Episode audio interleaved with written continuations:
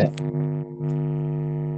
Oke, kembali lagi di podcast gua, podcast Sogito Aliquid ya. Iya. Oke, gua gua kenalin nama gue Teddy. Gue di sini sebagai host ya, host di podcast ini. Heeh. Gua sama teman gue nih Balat dari Universitas Indonesia ya, Iya. jurusan psikologi. Heeh. Ya, bisa kita ajak ngobrol sedikit nih tentang eh, sehari-hari sih sebenarnya kehidupan Oh. new normal ya. Iya. Karena ya gue yakin ah, semua orang udah pengen keluar dari apa namanya isolasi Heeh. kayak gitu ya. Eh, Tapi yang gua nggak habis pikir eh, banyak banget masalah-masalah yang eh, apa namanya belum bisa terselesaikan gitu. Udah eh, apa pemerintah udah mau nerapin aja gitu padahal kurvanya pun belum turun. heeh. Tapi menurut lu gimana nih Lat? Melihat situasi yang kayak gini udah memungkinkan untuk new normal belum sih? Eh, sebenarnya gue masih ini sih ya ngasih buta eh, tentang konsep Oh nggak apa-apa, gue suka yang nih. Iya. Ya sebenarnya gue masih buta konsep new normal sendiri sih. Cuman kalau misalkan emang dilihat dari eh, kurva kenaikan COVID-nya itu kan juga sebelum new normal itu naiknya kan udah nyampe 20 ribu dulu kan ya. Iya, udah naik lah. Ya kan? Nah, pokoknya udah naik banyak banget. Sekarang baru diterapin new normal ketika udah naik dua, dua, eh, 20 ribu. Dan, dan di situ kata gue jadi new normal nggak new normal kayak, kayaknya sama-sama aja. Jadi kurvanya naik-naik juga segitu. Mungkin karena emang banyak yang nggak mematuhi itu aja sih PSBB gitu-gitu kali ya. Tapi mau gimana gitu kan? Masalahnya nih new normal buat siapa gitu? Banyak uh, artikel-artikel yang nulis uh, sebenarnya orang uh, di luar sana itu udah pada beraktivitas. Orang-orang orang-orang akar akar rumput ya. Mungkin orang-orang yang nggak ngerti eh apa namanya kayak orang-orang kelas menengah atas gitu ya yang di rumah aja itu dia nggak ngerti bahwa sebenarnya ketika lu keluar lu udah nemuin banyak orang. Mau nggak Hmm. mau kagak tetap aja ya kan? Apa Hmm. namanya? Orang-orang beraktivitas kayak biasa. Ya. gitu. Nah cuman ini apa namanya? Eh, di normal ini kan di normal di normal di new normal ya. Nah, banyak yang bilang kalau kita bakalan hidup berdampingan dengan corona terus virus. juga banyak Nah. yang bilang kita bakalan apa namanya eh, eh, diawasi sama polisi sama TNI Hmm. gitu dengan dengan kondisi yang kayak gitu Apa-apa? Berat. kita bakal di diawasin gitu loh sama TNI sama polisi di tempat-tempat umum misalnya di mall atau di di di halte atau di tempat-tempat keramaian lah jadi itu ada polisi Iya. Nah. Terus gimana nih ngebahas eh, fenomena new normal ini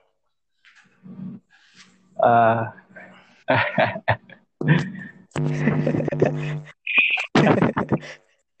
Gak gue bingung kan dia diawasin polisi. Terus pertanyaan lo apa? gue juga nggak tahu ininya ininya lu setuju nggak eh Diawasin polisi kayak gitu. iya nyaman gak sih nanti Hmm, nyaman-nyaman aja sih kalau gue. Cuman emang lebih terbatas aja nah, yang namanya new normal ya kan. New normal gitu. tapi yang Normal yang baru. gue kita pernah normal gak sih sebenarnya belum ada kata new itu sih Ya normalnya yang seperti biasanya itu kayak ya udah begitu kayak biasa. kayak gimana sekarang barunya sekarang barunya gini lu diawasin ya kan. Udah ada kebiasaan baru pakai masker bla bla bla. Terus keterbatasan lu keluar juga. Kayak gitu gitu kali ya. Mungkin sih cuman yang gue lihat kayak apa yang mau dibaruin gitu orang PSBB mau dilonggarin mau kagak udah longgar sebenarnya kalau lo lihat di luar gitu. Iya. Makanya itu pemerintah kan jadinya eh, nggak mikir lagi buat nerapin new normal karena PSBB-nya aja nggak ngasih dampak apa-apaan ke penyebarannya itu jadi ya udah jadi mereka nggak mikir keras lagi untuk nerapin normal sih kalau ada. cuman bisa aja nggak sih kayak sekolah atau kampus gitu dibukanya Apa? bukan apa namanya bukan dibuka langsung tapi di, apa sesi gitu loh sesi satu siapa yang masuk. Jadi dibatasinya per jumlah orang. Misalnya di kelas yang tadinya 40 jadi 20 kayak gitu nggak sih? Ah. Itu Eh, sekolah ya.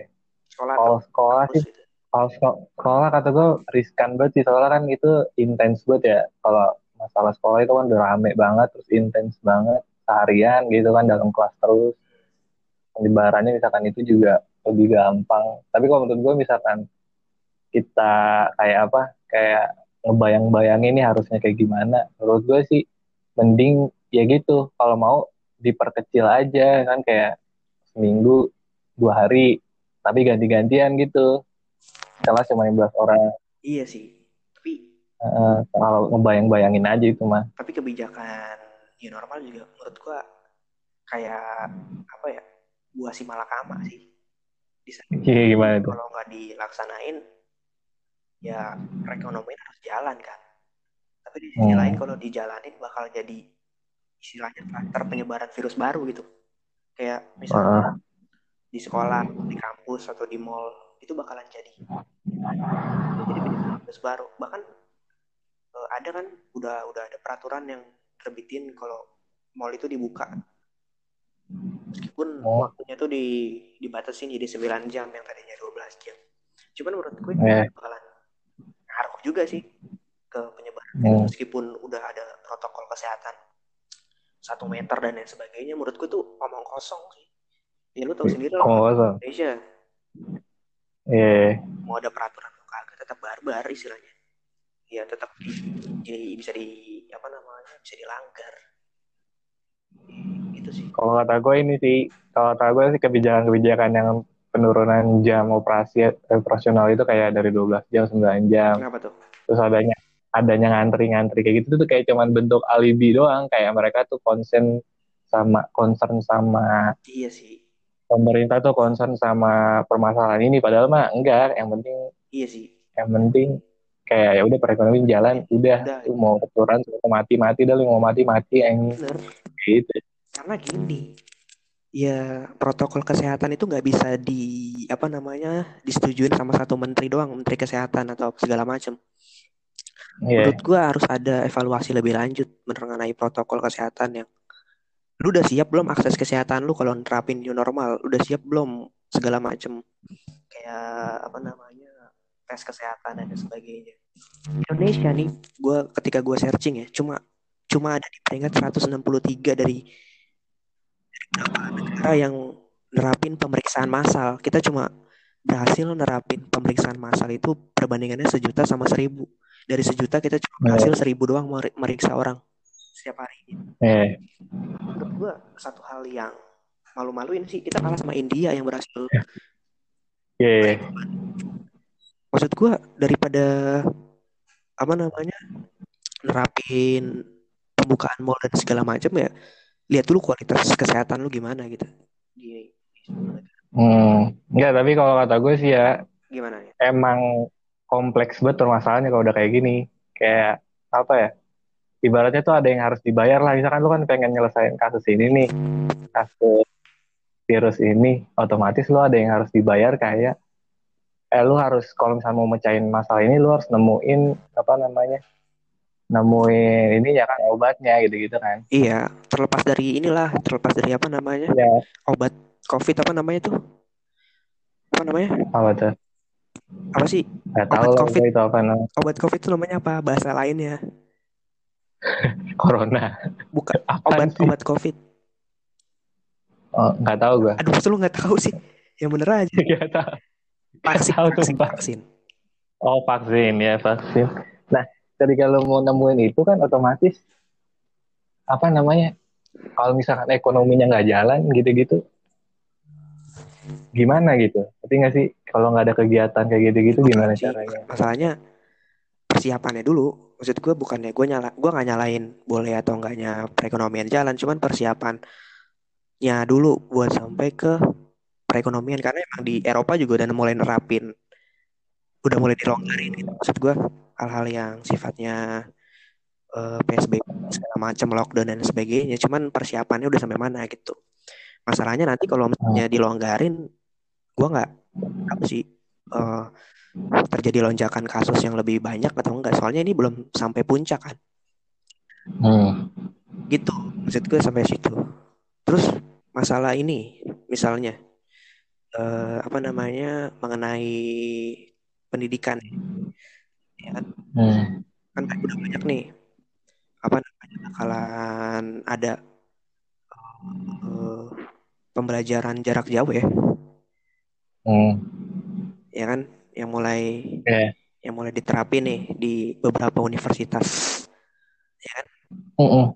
Uh. Menurut lu gimana? Sampai sekarang gitu di di univ lu sendiri lah. Gue ya, karena gue kan katanya ilmu sosial.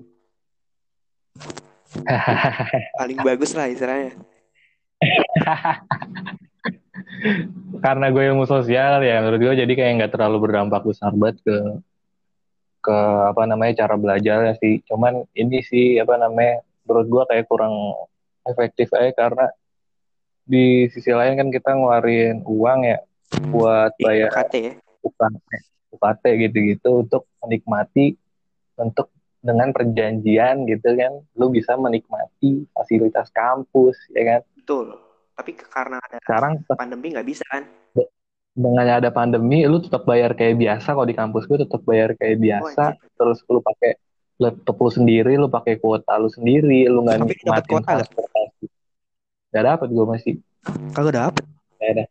Nggak dapat gue lu doang apa tahu sih yang lain ada sih kayaknya yang dapat dapat gitu cuman harus daftar daftar dulu gitu kayaknya mah gue nggak ngerti sih cuman gue nggak terlalu ngejar itu soalnya gue udah ada wifi sih di rumah gue jadi nggak tapi kan itu hak lo tapi ya, tapi tapi disediain kan sama UI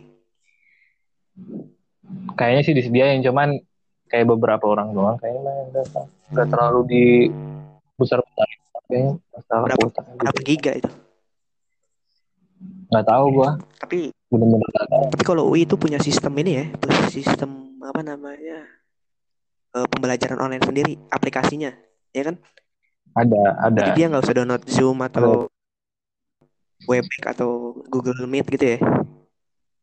Ada dia kayak gitu, -gitu. cuman kadang eh, kadang-kadang emang suka down gitu kali ya jadinya makanya tetap pakai wah tetap pakai tetap pakai Zoom Meet gitu-gitu. Berarti gitu-gitu. Berarti sama aja dong. Sama Unify. Sama aja. Berarti sama aja. Banyak yang keluh gak? Banyak pergerakan gak yang yang ada di divisi? Pergerakan. Ya, kayak misalnya tolak UKT semester depan gitu-gitu. Gak ada ya. Cuma per individual aja sih kayak besok mas besok kuliah cuman kayak gini doang terus tapi bayar kayak biasa sedangkan kita di rumah nggak nikmatin fasilitas kampus kagak ke perpustakaan gitu gitu kan. Iya sih. Kalau UI kan fasilitasnya kelihatan ya kalau kampus gua. Waduh. Sama aja sih. Sama aja lah harusnya. Kalau di UI nah, di UI itu rasis sih. Ketika rasis. di ketika gua ke perpus ya ya bukan iya. rasis lu kan gak bayar lu kan gak bayar UKT anjing. Lah tapi kan gue pengunjung anjir. Oh ya lu pengunjung. Ya lu gak bayar UKT lu mau baca buku seenaknya lu iya sih ya udahlah. Tapi bagus sih ya. Hmm. tapi emang gak ada ini apa namanya digital gitu perpustakaan digital yang udah ada? Jadi disediain sih kan kayak gestor gitu kan disediain juga tuh oh, iya. apa namanya akses gitu. Tapi lu bisa kebayang gak sih nanti kehidupan ya normal di kampus? Nanti oh, gue gak bisa bayangin sih. Kan semester 6 gue kan udah ini kan ya. Gak ada apa? ini ya udah gak ada matkul ya. Udah ada gue masih. Malah gue penelitian, penelitian gue anjing. Mm -mm. lo masih penelitian lo gue gue ada nih uh, matkul terakhir penelitian namanya. Metode penelitian gitu. Dan itu lu bener-bener harus ketemu terus sama dosen tuh buat bimbingan gitu-gitu. Wah gila sih. Dan menurut gua kayak gimana anjing kalau misalkan online kayak gitu dan gua kan kualitatif ya. kualitatif tuh harus turun Nah, itu. gitu. Itu sebenarnya yang jadi kelemahan semua orang anjir buat bikin penelitian ataupun Iya. skripsi.